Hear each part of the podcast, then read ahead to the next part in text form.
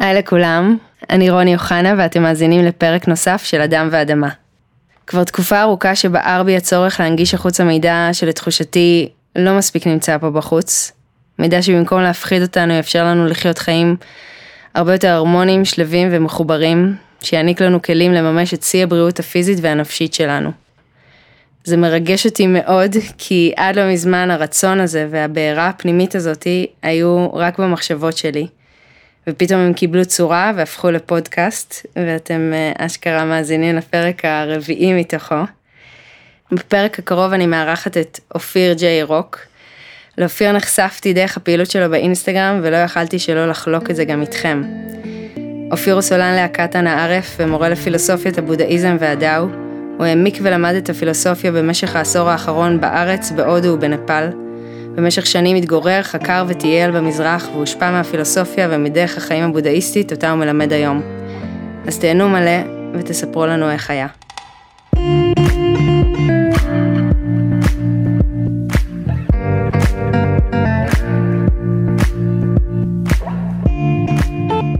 שלום אופיר. איזה כיף.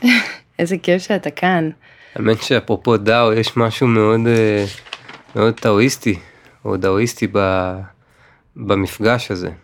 בעצם הגעתי כן. לכאן כי פשוט התחלנו איזשהו שיח, שני אנשים שלא מכירים בכלל, ועם זאת מכירים, שני אנשים, זאת אומרת, לגמרי. משהו פתוח, ו, ובאמצע השיח פתאום נהיה, רגע, רגע, שנייה לפני שאתה עונה, אולי כדאי שנקליט את זה, כי אני בדיוק התחלתי פודקאסט חדש. זה, זה בדיוק ככה. זה, אני בדיוק באתי להגיד שאני נורא מתרגשת כי מעולם לא נפגשנו. כאילו כן נכון. וירטואלית, אבל זה ממש קורה ברגעים אלה. אז אמ, כמו שאמרת, זה, בעצם מה שקרה זה שאתה כותב המון טקסטים ותכנים מאוד יפים באינסטגרם שאני עוקבת אחריהם כבר תקופה, אבל תפס אותי באמת איזשהו טקסט, אחד מהאחרונים שהעלית, והרגשתי צורך לשאול רגע שאלה שהובילה לשיח בפרטי, שהציב בתוכי כל כך הרבה שאלות, ואז פתאום, אה, כמו שאמרת, אמרנו, רגע, אולי פשוט אה, נכניס פה מיקרופונים ונענה על זה מול עוד אנשים. אז אה, אני קודם כל, אני חייבת להגיד את זה, שאתה סולן של להקת אנא ערף, ומי שלא מכיר, אז לפני כל מה שקורה פה, שיכיר. והאמת, שאני מאוד אשמח להקריא את הטקסט שהתחיל את כל השיח הזה. אמ, אז זה הולך ככה, ואני מצטטת. יצא לי לחשוב על זה שכשאני קורא משהו חכם ואני מתרגש מזה ומזהה כמה זה חכם, זה רק כי החוכמה הזאת מתקיימת בי. אחרת לא הייתי יודע לזהות את זה שהמשפט הזה חכם. ומכאן אתה מתנהל בעולם, ומה שאתה מזהה בעולם זה מה שמתקיים בך. ככל שמשהו יותר מפריע לך בעולם, זה בסך הכל כי הוא מתקיים יותר בך. ועד שלא נשלים עם הדברים שקיימים בנו, נמשיך למצוא פגמים בעולם, ונמשיך לראות ולייצר בעיות, ונמשיך לנסות לשנות ולתקן את העולם. אין מה לתקן את העולם, העולם מושלם, שלם, ככה כמו שהוא. במקום לתקן את העולם, מדויק יותר יהיה לקבל בעצמנו. הבדל קטן וקריטי, לא מבחוץ פנימה, מבפנים החוצה. הוספת כאן משהו שהצחיק אותי. זה, אם זיהיתם סטייל בתמונה זה רק כי הסטייל מתקיים בכם, ואם זיהיתם כיעור זה רק כי הוא מתקיים בכם. ככה או ככה זה לא שלי ולא אני. מה זה? אה, זה צורה להתבונן בעולם, זה צורה לראות את הדברים שהיא אולי בשפה הבודהיסטית תהיה יותר קרובה למשהו שהם יקראו לו כחות, מלשון ככה, באנגלית אה, in its suchness, אה, איזשהו מקום שרואה שהעולם עצמו הוא באמת סוג של מתקיים מבפנים החוצה, ולא להפך, שזה ממש הפוך לחלוטין מאיך שהתודעה הרגילה תופסת את הדברים. כי ככה הרגילו אותנו שזה הטבע של התודעה שלנו. אמ, כן, משהו בין לבין, כן, שתי התשובות האלה, אני חושב, אה, שתיהן שם. ופעם בהם מגיע איזה בן אדם ש... מה שקוראים בשפה הבודהיסטית מתעורר, ופתאום הוא מצליח לראות שאיך שאני רואה את העולם, זה לא העולם, זה איך שאני רואה את העולם. אז הכל הוא שיקוף רק שלי? גם השלי הזה בנקודה מסוימת הולך להתבטל. כי אתה הולך להגיע, אז אנחנו מאוד מהר מצוללים למקום אוקיי. די עמוק שנקרא אנטמן או אנטה, שזה מקום שבעצם גם האני הזה גם הוא מתקיים באופן קונספטואלי שהתפיסה הזאת מתחילה להשתנות ואפילו מדברים ממש על השאלה של הגבולות, השאלה של הגוף נפש. פתאום אני רואה שאני חלק מאיזושהי התהוות של משהו שהוא הרבה הרבה יותר גדול ואני איזשהו תהליך מסוים שהתודעה מתבוננת בתהליך הזה ואז גם אה, נוצרת איזושהי הזדהות עם הצורה הזאת. אני גבר, קודם כל זה, זה מתחיל ממש מה, מהבסיס של הדבר הזה. או אמ, אני איזושהי ישות ואז אני גם ישות גברית, אז אני יכול להזדהות או לא להזדהות עם המאפיינים הפיזיים האלה ואני מתחיל אה, להסתבך בתוך ההזדהויות האלה עד למצב שאני בטוח, כן, אני לא מצליח לראות שום צורה אחרת חוץ מהצורה התודעתית שאני מקיים בתודעה שלי, כשבקצוות שלה הצורה הזאת מספיק אה, חזקה בשביל שאני אהרוג מישהו. כי הצורה שהוא תופס, נניח סתם אה, דוגמה פשוטה, זה את האלוהות, כן, הוא קורא לאלוהות אה, בשם מסוים ואני קורא לה בשם אחר. והצורה שאני תופס אותה, אל מול הצורה שהוא תופס אותה, אני לא מאפשר להם להתקיים ביחד, אני לא מצליח לראות שזה בסך הכל דרך שלי לראות את הדברים. זו לא האלוהות, זה הדרך שלי לראות את האלוהות. השם, השפה, זה משהו שהוא מאוד מבלבל בקטע הזה. כן, זה אלוהים וזה גד וזה אללה. אז זה מרגיש כאילו הם דברים נפרדים. אבל מה עם האופציה שיש איזושהי ישות ויש לה המון שמות? נניח, כן, מה הכינויים שלך? ממש ברמת השם, יש לך כינוי? לי יש מלא כינויים. אה, איך קוראים לי? כן. אה, חברות, יש חברות שקוראות לי קיקוש, יש אוקיי. חברים אה, רונקי. כן. אה. אז זה יהיה קצת כמו עכשיו החברות של קיקוש התחילו להתווכח עם החברות של רוני, mm. על מי, מי זאת הרוני האמיתית, אם זו רוני או קיקוש. זה גם ממש אני מצטט את ההתחלה של ספר הטאו עכשיו, זה משהו שאי אפשר לשים אותו במילים. אי אפשר. הרי רוני שיושבת כאן מולי, פתאום היא צמאה, פתאום היא שמחה, פתאום היא מתרגשת, פתאום היא מדוכדכת.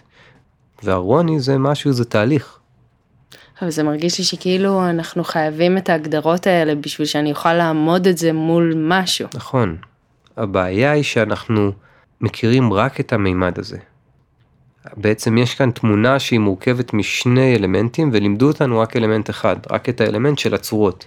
לא לימדו אותנו את האלמנט של הריקות, של היעדר הצורה. רציתי לשאול אותך על הטקסט שדיברת עליו מקודם, שממנו התחלנו את הכל. השאלה שאני הגבתי לך על הפוסט הזה הייתה, אבל מה אם, אם אני פוגשת אדם שהוא גונב, והוא גונב ממני והוא גונב מאחרים והוא גונב מכל מי שאני מכירה אותו, זאת אומרת, אני מציינת עוד אנשים כי לא רק אני מעידה שהוא כזה. כאילו לא רק בחוויה שלי האישית הוא כזה. אני נזהרת מלהגיד זה הוא, אבל, אבל בא לי גם להגיד את זה, זה הוא. זהו, אפשר גם ל, ל, להפליל רגע ולהגיד שבעצם את, את מדברת עכשיו מתוך מקום מאוד בהיר, כי את לא הופכת אותו מבן אדם שגונב או שגנב בעבר לגנב, לשם עצם גנב, לשם, לתואר הזה גנב. אבל, פה, אוקיי. פה כבר את מתחילה לספר סיפור על המציאות. פה כבר הדברים מאבדים את הכחות שלהם. אבל אתה רואה את הבן אדם הולך ולוקח כסף מהתיק. הוא, הוא לא עושה את הפעולה שנקראת גנבת כסף ממישהו אחר? גם כן וגם לא, גם על זה יהיה אפשר להתדיין, אבל זה שהוא לוקח משהו מהתיק, לא הופך אותו לגנב. מי שמסתכל עליו ובוחר לראות אותו כגנב, הוא הופך אותו לגנב. זה בעצם, המציאות היא ריקה, ואנחנו צובעים ומציירים את הדברים כפי שאנחנו תופסים ורואים אותם. מישהו יסתכל עלייך ויגיד, רוני היא הבן אדם הכי יפה ואצילי שפגשתי בחיים. ואז עוד עשרים איש יגידו את זה, ולרגע תתבלבלי ותחשבי שאת בן אדם הכי יפה והכי אצילי. או להפך, או שמישהו יגיד, רוני בן אדם יהיר מאוד, ובן אדם מאוד לא מתחשב, ויגידו את זה עוד כמה ואת בסוף תאמיני גם לזה. אין לי ספק שאם תעמיד פה שני אנשים, כל אחד מהם החוויה שלו תהיה גם שונה ממני באיזשהו אופן. כאילו אין לי ספק שיהיה מישהו שיגיד את משפט א' ויש מישהו שיבוא ויגיד על מה אתה מדבר, היא נוראית. אז... אבל עדיין יש פה דברים שאני מסכימה, יכול להיות שלימדו אותי שזו ההגדרה שלהם, אבל אה, גבר מרביץ לאישה, אדם גונב כסף, אני יודעת שזה דברים שהם לא סבבה. לא, לא מדובר פה על אם זה סבבה או לא סבבה, מדובר פה על האם אנחנו מקבעים איכות בתודעה של משהו או לא, אוקיי? ניקח דוגמה קיצונית. קם עכשיו בן אדם ב, ב, בעזה והוא בא והוא בא עם מטען נפץ. כן, חלילה. ואיך אנחנו קוראים לו? מחבל. כן. והבן שלו, איך הוא קורא לו? אבא. ואשתו? והשכנים שלו במסגד? הוא הגיבור. פתאום אפשר לראות שהמציאות היא פחות דיכוטומית. אולי דווקא מהמקום הזה עולה חמלה גדולה שאפשר לראות מעבר לצורות. אני יכולה לאתגר אותך? אולי עולה גם איזושהי התכחשות והתנגדות למציאות כפי שהיא? אבל זו המציאות כפי שהיא. ב-6 בבוקר הבן אדם קונה ביצת קינדר לבן שלו ואומר לו, תשמע, אני, מה שאני עושה זה כי אני אוהב אותך, אני עושה את זה בשביל לשחרר את העם שלנו. זה הצורה שלו, זה הסיפור שלו. והבן שלו מתרגש, הוא יודע שאין להם הרבה כסף, והנה אבא שלו קונה לו את הממתק ואת הבובה וווטאבר, וזה החיבוק האחרון. אז מה המציאות בכחותה? יש מציאות שהיא כזאת, או שמספיק לראות שהמציאות היא לא כמו שאנחנו רואים אותה? אז מה אתה אומר? אז איך אני יכולה להסתכל אחרת על סיטואציה כל כך נוראית כמו זאת? את יכולה לראות שאיך שאת רואה את הסיטואציה היא יוצרת את הסיטואציה? נשאל שאלה אחרת רגע. מהמם. היה מצב בהיסטוריה הישראלית שאנשים עשו פיגועים נגד הבריטים? כן. איך קראו להם? טרוריסטים או גיבורים? גיבורים, חד משמעית גיבורים. אז יש פה מציאות או אין פה מציאות? כן, יש פה. כאילו... כן, אבל המציאות, שוב, אני אומר, יש פה מציאות שהיא משהו שהוא לא סובייקטיבי? לא, הסובייקט מקיים את המציאות. היופי שלך נמצא בתודעה שלי, וגם הכיעור שלך. את לא מכילה שום איכות. וואו. זה יכול להיות מעליב. הנה, זה נמצא בי. זה מקום שאנחנו כל הזמן מנסים לאשר את האני ולחזק אותו. כשאני אומר את זה גם, אני מת- מתכוון גם על איכויות שליליות. למה את החלטת שדווקא אני מדבר על איכויות חיוביות? תראה, נראה לי שיש אנשים שיאזינו ויהיה להם מאוד קשה לקבל את הדברים נכון. האלה. אנשים שעברו חוויות אה, פחות נעימות, נכון. כמו דברים שמתהפכת לי הבטן רק מלהגיד אותם. ממש. אונס, מבקש, אה, סליחה, רצח, ממש, מבקש סליחה על התחושה הלא נעימה שעולה. איך, מה, איך, כאילו, אני אפילו לא יודעת מה השאלה. איך הם יכולים להצליח להסתכל על החוויה הזאת אחרת? או לא לראות אותה בתור דבר נורא? כאילו בא לי, נורא בא לי להגיד לך, זה דבר נורא, נו. יש שתי אפשרויות לדעתי. אפשרות ראשונה, שזה, אני חושב שזה די ה-go to של רובנו, זה שאנחנו בעצם מנסים למצוא איזושהי הצדקה לסיטואציה. ואז אנחנו עוברים למקום של סיבה ותוצאה ולמקום שהוא מאוד רציונלי ולוגי. ושם יש את המקום של צודק ולא צודק, והדברים הם מאוד דיכוטומיים וברורים. אבל יש גם מקום שלדעתי, לטעמי הוא הרבה יותר מרפא, אם אני שוב רגע מגייס את לאו צה ואת הטאו, באי הידיעה. בשנייה לזכור שאנחנו לא באמת יודעים. ואולי כמה ש... זה, זה עוד יותר קשה כשאתה פצוע ברמה נפשית, כי הסיפור הזה הוא מאוד מגדיר אותנו. אבל אם נצליח רגע לא לדעת מי אנחנו, יהיה כאן שחרור מאוד גדול. כי הרבה מאוד מהטראומה נמצא באיזושהי אחיזה שאנחנו לא מוכנים לשחרר את הסיפור שלנו. אין רוע בעולם? מה הופך את הרוע לרוע? זה שאני הגדרתי אותו כרע. והטוב. הטוב כן. יוצר את הרוע. אין אנשים שנולדו רעים? עזבי אפילו אם נולדו רעים, נלך על רוע. יש רוע שמתקיים לא אל מול טוב? שוב פעם? יש רוע שמתקיים לא אל מול טוב? לא. אז מה יוצר את הרוע? הטוב, מה יוצר את הטוב? הרוע. דברים יחסיים. כן. את בן אדם טוב או רע? אני גם וגם. תלוי מי עומד מולי. כן, זו שאלה שאין לה תשובה. הרי בדרך לפה תמיד אני נוסע בשחרות ואני חושב על החיפושיות שחוצות את, ה... את הכביש ואני רק נוסע ומנסה לא לדרוס אותה. אני אומר כאילו, אה, מה זה שווה כל הלימוד הזה אם אני פה מפרק איזה חיפושית עם. אז אם אני רואה רוע במישהו אחר, או אם אני, כמו שאתה אומר, סיטואציה כמו שתיארת מקודם, יש אדם שמצליח לראות בה איזושהי חמלה, ואני רואה בסיטואציות או במפגשים עם אנשים מסוימים, אני רואה הרבה צדדים אה, שקשים לי, כמו רוע, כמו אלימות, כמו... יכול להיות שהרוע הזה הוא איזשהו ניסיון, איזושהי בקשה למשהו.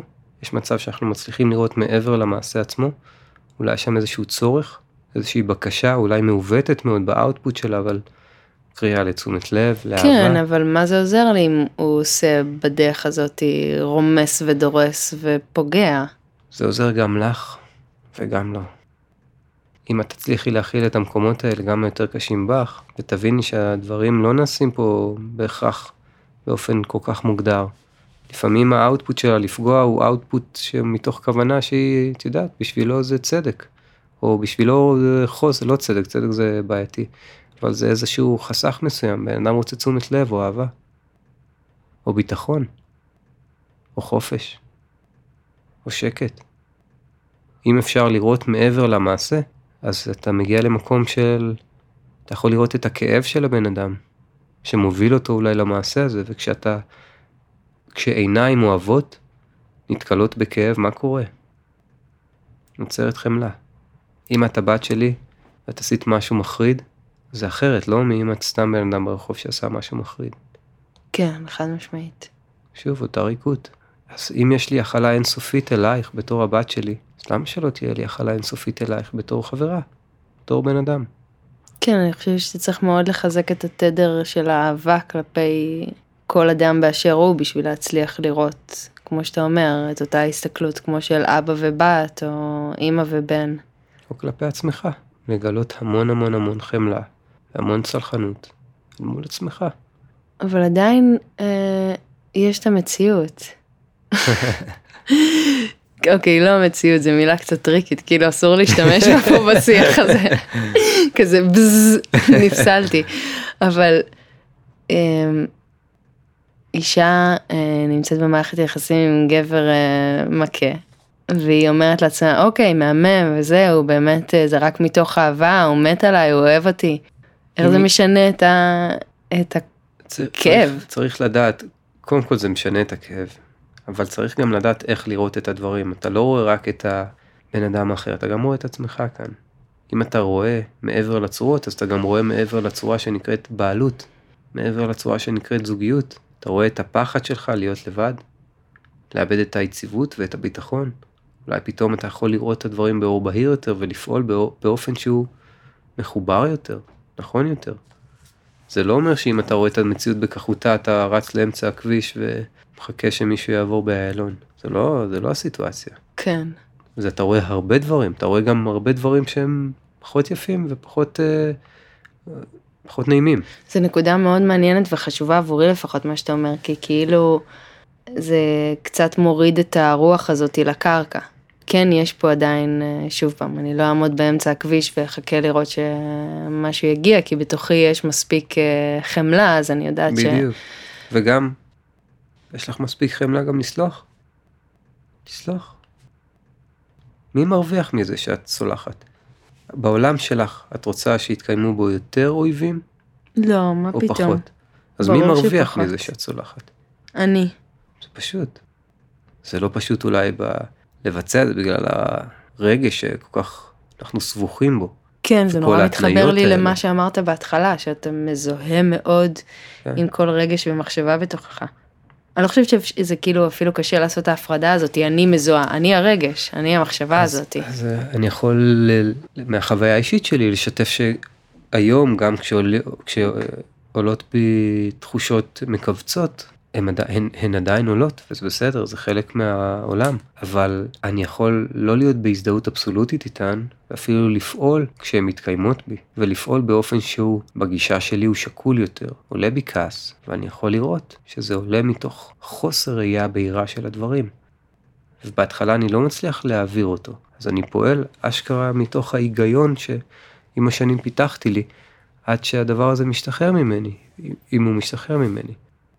ואני מצליח לראות שהכעס הזה זה תוצר של התפיסה שלי משהו, וזה כנראה תוצר של תפיסה לא בהירה. זאת אומרת שאם כאילו נוריד את זה באמת רגע לתכלס, אתה בא במפגש עם מישהו שמעורר בך תחושות מסוימות, נגיד שאתה פחות אוהב. או הפוך, הנה התאהבתי בך. אני לא רואה אותך כאן. אז מה אתה רואה? הרבה דברים שהם לא את. אני רואה מה שאני רוצה לראות, אני שומע הרבה סיפורים, אבל אותך אני לא בהכרח רואה. אז רגע, פוס משחק. מה הטעם? אפשר לקיים את זה, פשוט אהבה יוצרת השתוקקות מאוד חזקה, ושנאה יוצרת סלידה, דחייה. אבל בשני המקרים אתה מאבד את היכולת לראות בהיר את המושא שאתה מסתכל עליו. אני מסתכל עלייך עכשיו, ואני רק רואה את הבן אדם הכי מדהים שפגשתי בחיים, והכי טהור, המורה ליוגה, האימא של הילדים שלי. אז זה לא משנה מה אני אספר עכשיו. אני, ואני אמצא אין סוף זוויות להצדיק את זה. ואני מסתכל עכשיו, ואני רואה את האויבת הכי גדולה שלי, שהיא באה והיא מנסה להכשיל אותי פה בריאיון הזה, והיא מנסה לצבור רייטינג על, על חשבוני, whatever, סיפור. ואין מצב שזו הסיטואציה? אין מצב שעכשיו היא יושבת מולך ומנסה להכשיל אותך? אני, אני חלק מהסיטואציה הזאת? כן. אני אקיים אותה? או אצליח לא לקיים אותה?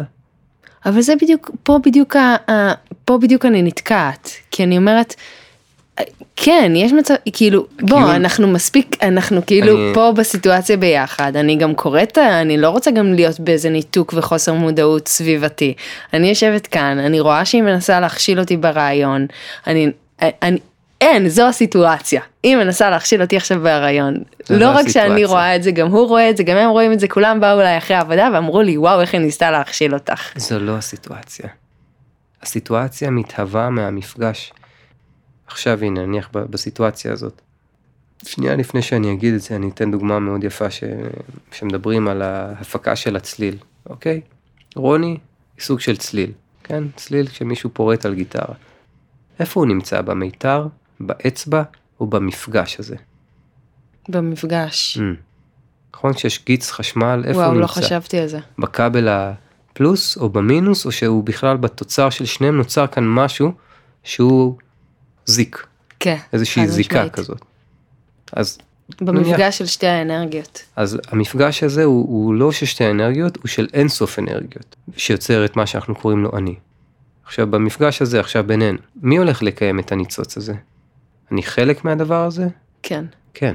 אז האם אני רוצה לשתף פעולה עם האיכויות האלה שאני מייחס אלייך, שאת מנסה להכשיל אותי, או שאת, ההפך, את מנסה להרים לי? אבל פה זה לא מביא לסיטואציה שאתה, כמו שאמרתי מקודם, מנותק, כאילו עומד מולי אדם שמנסה להכשיל אותי, ואני ממשיכה ב... אני לא רואה את זה בך, peace and love, אני בטוב. לא אמרתי peace and love ולא אמרתי בטוב, פשוט אמרתי שבשביל שאת תכשילי אותי, אני צריך לשחק את המשחק שלך. בג'ודו יש חוק מקסים שבשביל ש... בשביל להתחיל קרב, אתה צריך ששני אנשים ירצו להילחם. כן, אם מישהו בא אליך ואתה כל הזמן עודף אותו ומתכונן, אי אפשר להתחיל קרב. Mm. רצון מול רצון, או דעה מול דעה, זה התחלה של משהו שהוא יכול להיות אלים. אבל אם את באה עם הדעה שלך, או הרצון שלך, ולי אין רצון, או שאני לא יודע, אולי. אין, אין פה דרמה, אין, לא יהיה פה קרב. צריך שניים לטנגו הזה, כן? Mm-hmm. גם אם את באה עם כוונות. כן. אני, את יודעת, אולי אני מדבר והדברים האלה נשמעים קיצוניים, אבל אני ממש משתדל לקחת את זה למקום פרקטי. אני ממש, אני, אני משתדל לעשות את הכי טוב בשביל ליישם את זה. איך אתה חי את זה בפרקטיקה? ככה. בכחותם. איך אני חי את זה, את יודעת, עכשיו בדיוק עברתי uh, פרידה מאוד uh, חזקה. וזה ממש הייתה עבודת הצטללות מטורפת. איך לראות את הדברים בהיר, ואיך לא לספר לעצמי סיפורים, ואיך גם אם אני חושב שמישהו בא להרעיל אותי, בדיוק המקרה שאמרת. אז לבדוק אולי אני יכול לעזור לו אפילו לא ללכת לשם או לא להפוך את זה עכשיו לתרעלה. אולי אני יכול לראות מעבר לצורות, אולי אני יכול לראות את הקיבוץ של הבן אדם השני או את הצרכים שלו. ואתה עדיין לא מוותר על לחוות את הכאב המאוד גדול הזה, אני מניחה. אתה לא יכול, כן. אתה לא יכול. אבל יש כאן הבדל. כשמגיעה חרדה, היא כבר לא חודרת פנימה. כרגע, לא יודע, אולי ב... היא לא חודרת. אתה מרגיש שהסנטר, גם כשהכל קורס, זה התחושה, אתה מרגיש שהכל קורס. אתה חוזר הביתה, אין בית. אין בית. אתה לא מעניין אף אחד, אתה גם רגיל לקבל שיקוף. אני רגיל להיות הכי חכם והכי יפה אל מול התודעה הכי קרובה אליי. שהיא בשבילי, וואו, מושא מאוד גדול, ואם בשבילה אני מאוד חכם ומאוד יפה, אז זה מאשר לי את היותי מאוד חכם ומאוד יפה. ופתאום הדבר הזה נעלם. או אפילו הפוך, הפוך. מה עם זה שאתה פתאום הכי מכוער והכי טיפש? מאבד את האלגנטיות שלך. אני לא, את יודעת, אין, אין סוף זוויות אתה יכול uh, להרגיש כאן. זה המקום של ה... להשתמש בכלים האלה, לראות מעבר, לראות את המציאות כמה שיותר בהיר, ולחצות את השדה הזה של הסבל. ואיך רואים את זה כמה שיותר בהיר? כאילו, מה, מה הדברים שאמרת לעצמך? שני דברים האמת היו איתי עכשיו בחצי שנה הזאת. אחד זה האי ידיעה, אני לא יודע, מה אני יודע מה לטובתי. כאילו איזושהי הסתכלות על תמונה רחבה יותר? אולי, כן, אפשר אולי להגדיר את זה ככה. אני פשוט לא יודע, אני לא מגיע מתוך מקום שיודע. לא יודע, אולי יש לה איזושהי אינטואיציה, אולי יש כאן נשמה שלישית, אולי יש, את יודעת, יש גישות הודיות כאלה, יוגיות שאומרות, שבכלל נשמה בוחרת את האבא והאימא, ואולי הנשמה הזאת בחרה אימא ואבא שהוא לא אני. זה כבר בכלל לא קשור אליי וגם אפילו לא אליה, אני לא יודע. אני לא אומר שזה זה, אבל אני אומר שבוודאות אני לא יודע. כן. ואז אם אני לא יודע זה הרבה פחות נורא. כי כשאני יודע אז אני יודע שאני כזה וכזה וכזה ודברים מכווצים מאוד. בטח. והחרדה מגיעה מהידיעה, לא מהחוסר ידיעה. כן, עזבתי אותך כי אתה ככה בדיוק. ואתה ככה, זה נורא. אוי, זה נורא. ואז במקום להתכווץ אתה יכול להרפות. הרפיון הזה הוא רפואה. אני, בא לי להמשיך את הקו הזה של אי הידיעה שאמרת, שלי אה, עוזר הרבה פעמים בסיטואציות כאלה, ההבנה של בדיוק התמונה הרחבה יותר, של אני אומרת לעצמי, מתוך ניסיון החיים שלי, הכל יתברר לי בסוף כלטובה.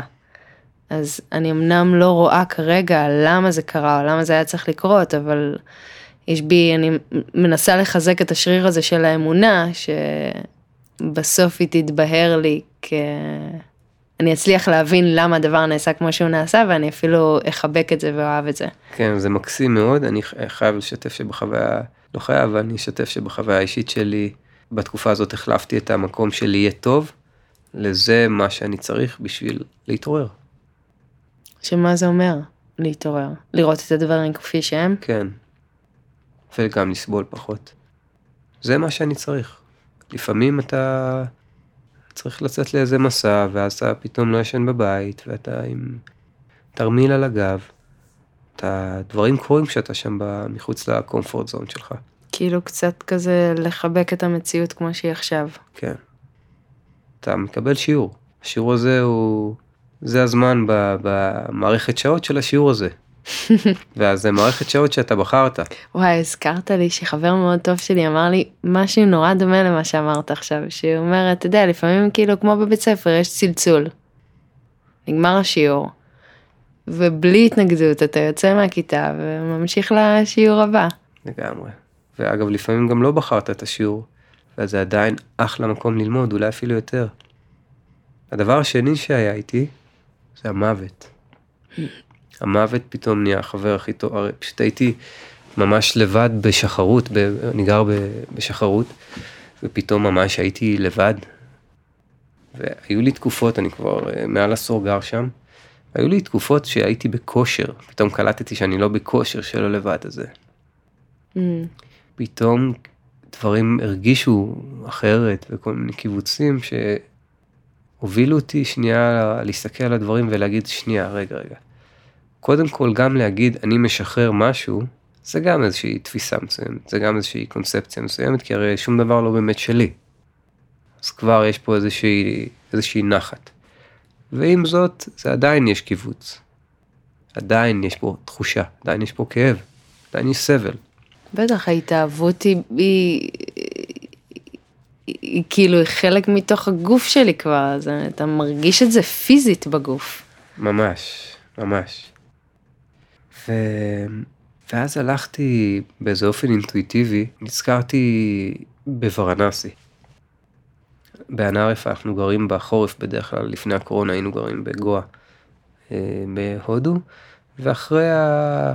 אחרי העונה היינו מתפצלים ועושים כל אחד איזה טיול. והייתי אוהב כזה לטייל לבד וכל פעם למקומות שעניינו אותי, ושנים רציתי להגיע לוורנסי, שזה מקום מאוד אה, קדוש, מיוחס לשיבה, ואנשים באים לשם בשביל אה, לשרוף את הגופות של היקירים שלהם, ואתה רואה שם גם כל מיני אה, קבצנים כאלה, או, אה, או סעדואים קדושים שבאו ואין להם כלום, אין להם כבר שום דבר, אין להם רכוש, רק יש להם פאוץ' קטן עם הסכום מטבעות של הטקס קבורה עם העלות של האש, של העץ, סליחה, לשריפה של הגופה, והם כזה עם איזה מחלה סופנית, באים מחכים פשוט למות שם.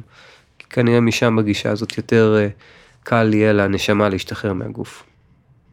ואתה יושב, ואתה רואה את המשפחה, רואה את האבא או הסבא נשרף, והבן אדם שורף, איך הוא מכניס ככה את היד שלו בחזרה למדורה, ועומדים שם ורואים את זה, חוזים, ממש רואים את השחרור של ה...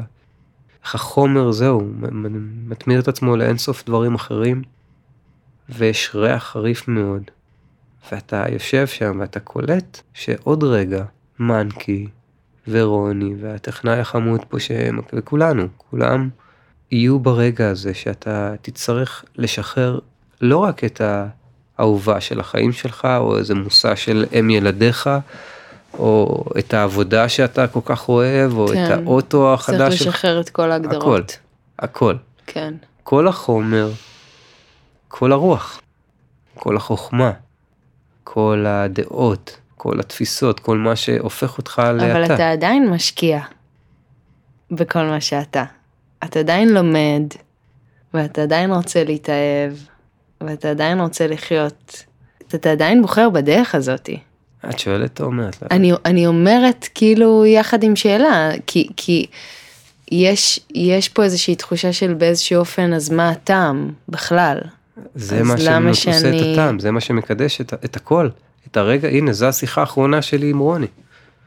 אולי תהיה עוד שיחה אחרת, אבל השיחה הזאת זו השיחה האחרונה, הנה, זה המילים האחרונות. אה, אתה אומר, אני מגיע לפה במאה אחוז נוכחות, מתוך הידיעה שכאילו מי יודע מה יהיה. מתוך הידיעה היחידה ש... שמתקיימת שהיא המוות.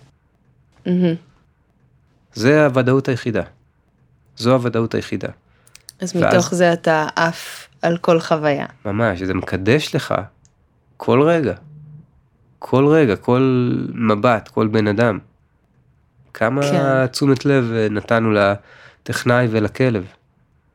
זהו, זה הליטוף האחרון לאסקי הזה שהיה פה. ובמקום הזה אתה שנייה נזכר שזה עוד רגע. זה מחר. מחר רוני, זה מחר. פתאום... אבל הייתי רוצה להסתכל על זה בדרך קצת יותר נעימה. אני כל כך חווה את זה באופן נעים. אה, כן? כן. וואו. אני לא יכולה להסביר לך כמה זה לא נעים לי. כאילו, אני הייתי מעדיפה לחוות את זה בדרך כאילו, אמ, כן, טוב, אולי זה פשוט, אני, זה אולי פשוט סיפור אחר אה, שאני צריכה להציג את זה אה, בעיני עצמי. האמת שזה מעניין, כי הנה, יש פה איזשהו מפגש עם איזשהו משהו שמעורר בי תחושות מסוימות. איך אני יכולה לתעל את זה לריפוי, לדוגמה, בחלקים האלה בתוכי. כמו שאתה אומר, אם, אם הדבר, אם האובייקט שאני רואה, הוא בסך הכל משקף לי חלקים שקיימים כבר בתוכי, אז איך אני יכולה לנקות אותם, או לא לתת להם להניע אותי? הייתי מתחיל בלראות אותם, ממש נותן לזה להיות. קצת אלמנט דאואיסטי כזה של לתת לדברים להיות. בגישה הטאואיסטית אנחנו חלק מהטבע, המילה לטבע זה זירן, כך מעצמו. כן, העשב צומח גם כשאתה לא משקיע פה את הדברים, הגשם מגיע, הכל קורה, כן, זה... וגם עכשיו, תוך כדי הראיון והרבה מאוד מחשבה והאינטלקט עובד מאוד חזק, אבל הלב שלך ממשיך לפעום. הדם ממשיך לזרום, למזלנו אנחנו לא צריכים לחשוב על הדבר הזה, ואותה אינטליגנציה שגורמת לעשב לצמוח, היא גם מה שמזיז את המכווץ ומרפא את הלב שלנו ומזרים את הדם שלנו ומקיים אותנו. משהו שהוא הרבה מעבר לאינטליגנציה הפשוטה, הרגילה, שאנחנו אה, כל כך אה, מתלהבים ממנה. ובראייה שלהם זו איזושהי ידיעה שאינה יודעת, ידיעה שאינה יודעת את עצמה. כן, מדברים על המרבה רגליים, שאם הוא היה צריך לחשוב איזה רגל הוא מזיז בכל רגע, הוא בחיים לא מצליח לעשות זה, הוא מסתבך ונופל. וואו. אם הציפור הייתה צריכה לחשוב בדיוק על ה... כמו שהכנפיים הייתה נופלת כמו גוש עופרת. אז אפשר רגע להרפות ולהירגע ולסמוך גם על משהו שהוא הרבה יותר גדול מאיתנו. ואנחנו חלק ממנו. אז אתה אומר להתחיל פשוט מלהתבונן. כן, ולתת לזה פשוט מה ש... זה המון אבל. כי אני המון. לפעמים פשוט מתחילה להיכנס למקום של אה, אז מה זה אומר אז זה קיים גם בתוכי אז מה לעשות עם זה כאילו אני לא יודעת מה זה בא לשקף ואז אני מתחילה להסתבך. זו התבוננות או שזה לוגיקה? לא זה כנראה ניסיון אה, בדיוק. למצוא לזה איזשהו הסבר או איזשהו להבין למה אני רואה בו רוע הרוע הזה קיים גם בתוכי אז מה אני אמורה לעשות עם זה איך אני מנקה אותו החוצה. רק לראות את זה. כן.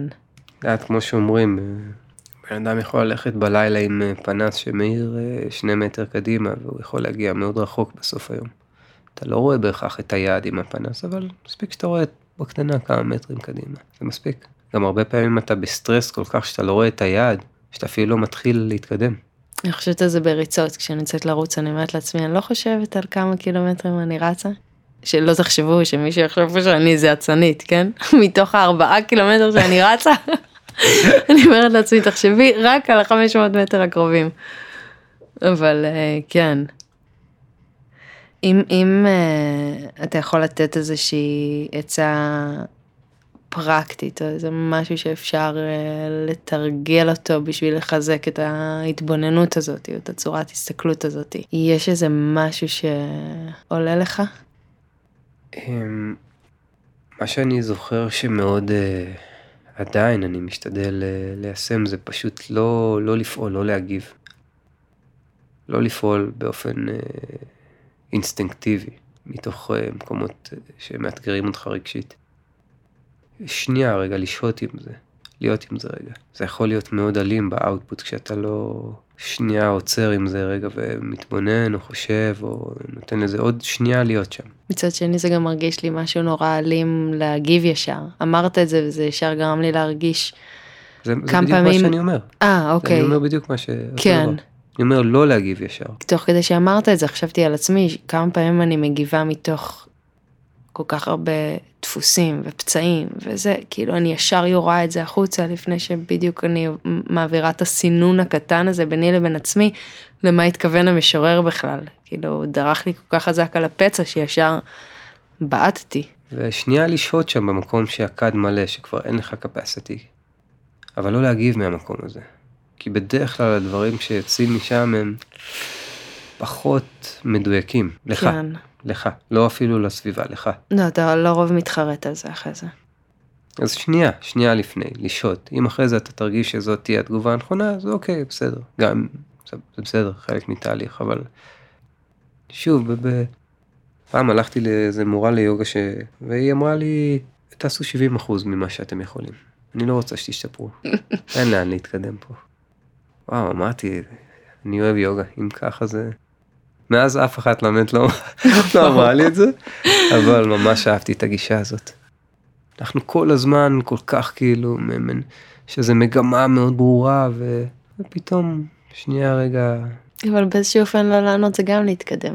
כי אתה מתקדם נכון. מהמקום המגיב האוטומטי, המודלק, הפצוע.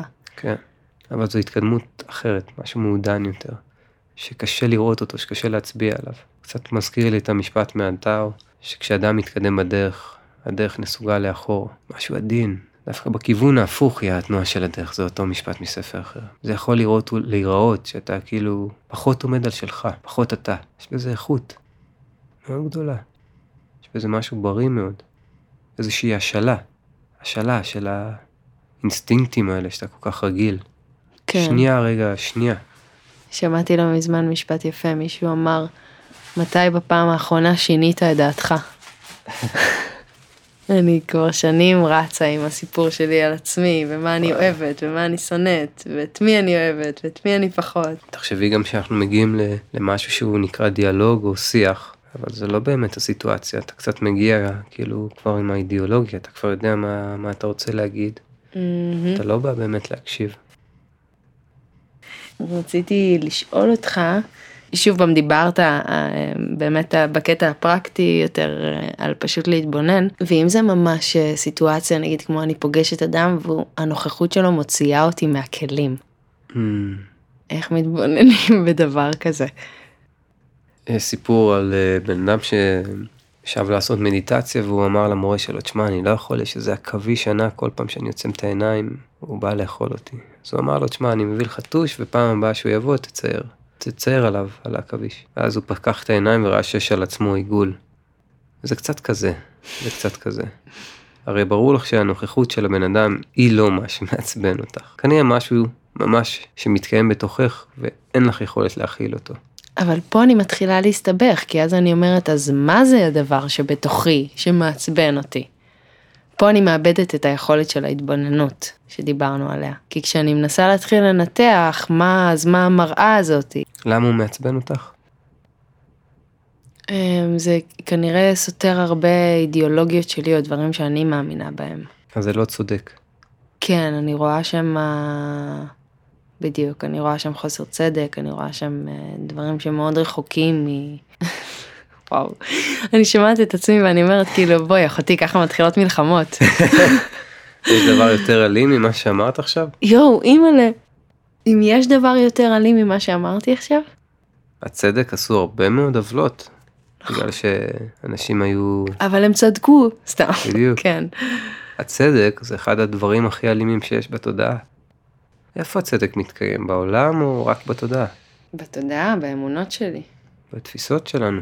כן. תודעה. יש צדק? אבל יש דברים שבעיניי הם חוסר צדק. בעינייך, אמרת את זה הכי בהיר שיש. זו התחלה מדהימה, זה לא חוסר צדק. בעיניי הם חוסר צדק. אז הפתרון הוא פשוט להקיף את עצמי באנשים שבעיניי הם מדברים את השפה שלי והם רואים את, ה, את, את החיים כמו שאני רואה. זה יביא לך המון סבל, כי העולם מכיל גם אנשים שחושבים בדיוק הפוך. ככל שתנסי לדחות את האנשים האלה, שחיים ומתקיימים בעולם שלך, החיכוך איתם רק יהיה כואב יותר, ויביא לך יותר סבל. אני שואל אותך עכשיו שאלה. זה צודק שאני ואת יושבים כאן בפודקאסט, מישהו מקליט אותנו, יש מזגן, יש לנו פה מים, צלולים, אוי, לא, אני יודעת לאן אתה הולך. בזמן ש... זה צודק?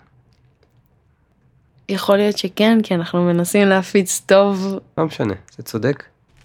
אני לא יודעת אם זה צודק, אבל אני יכולה להגיד שאל מול ההגדרה שלי, של uh, מה זה טוב, מה זה רע, מה זה צדק, מה זה חוסר צדק, אני עושה את המקסימום בעיני עצמי כדי לעשות כמה שיותר טוב, כמו שאתה אומר, אתה נוסע בכביש ונזהר לא לדרוס חיפושית, אז אתה, אני מניחה, עושה את המקסימום בתחומות, בתחום ההגדרה שלך ל... ל... אני איתך לגמרי, אבל ככה בשביל לה- להקשות כן. קצת. וההומלס עכשיו, שממש היה שמח שבמקום שעתיים אולפן, יהיה לו את הסכום הזה והוא יוכל לקנות אוכל לשבוע. זה צודק? זה יותר טוב לעולם? לא, אני מניחה שהיה יותר טוב לו אם הייתה לו איזה מיטה חמה. אני לא יודע, אני לא, לא עונה תשובות, אבל אני רק מעלה שאלות.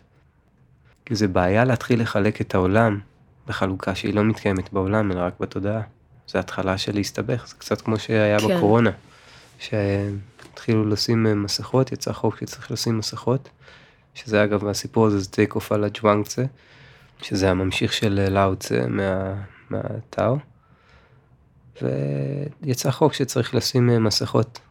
ואז ישבו שם, כשחיקקו את החוק, חבר'ה ממפלגת האצנים או משהו כזה, ואז הם אמרו, אי אפשר לרוץ עם מסכה, את זוכרת? ואז אמרו, mm-hmm. נכון, אה, בעצם עם מסכה לרוץ אי אפשר, זה לא בריא, אז מי שרץ יכול להוריד את המסכה.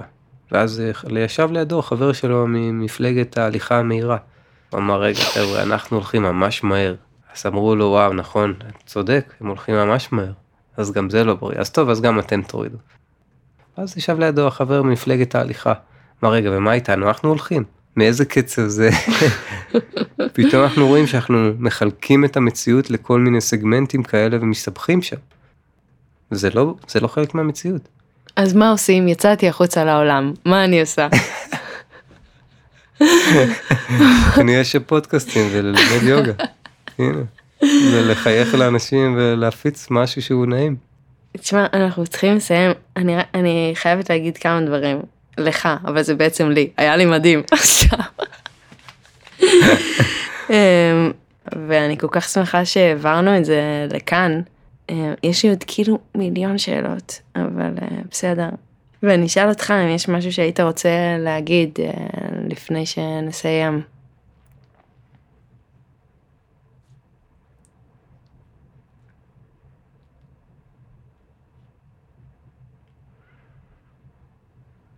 הלוואי והייתי יכולה לשמור את כל הזמן הזה שלקחת לענות את התשובה.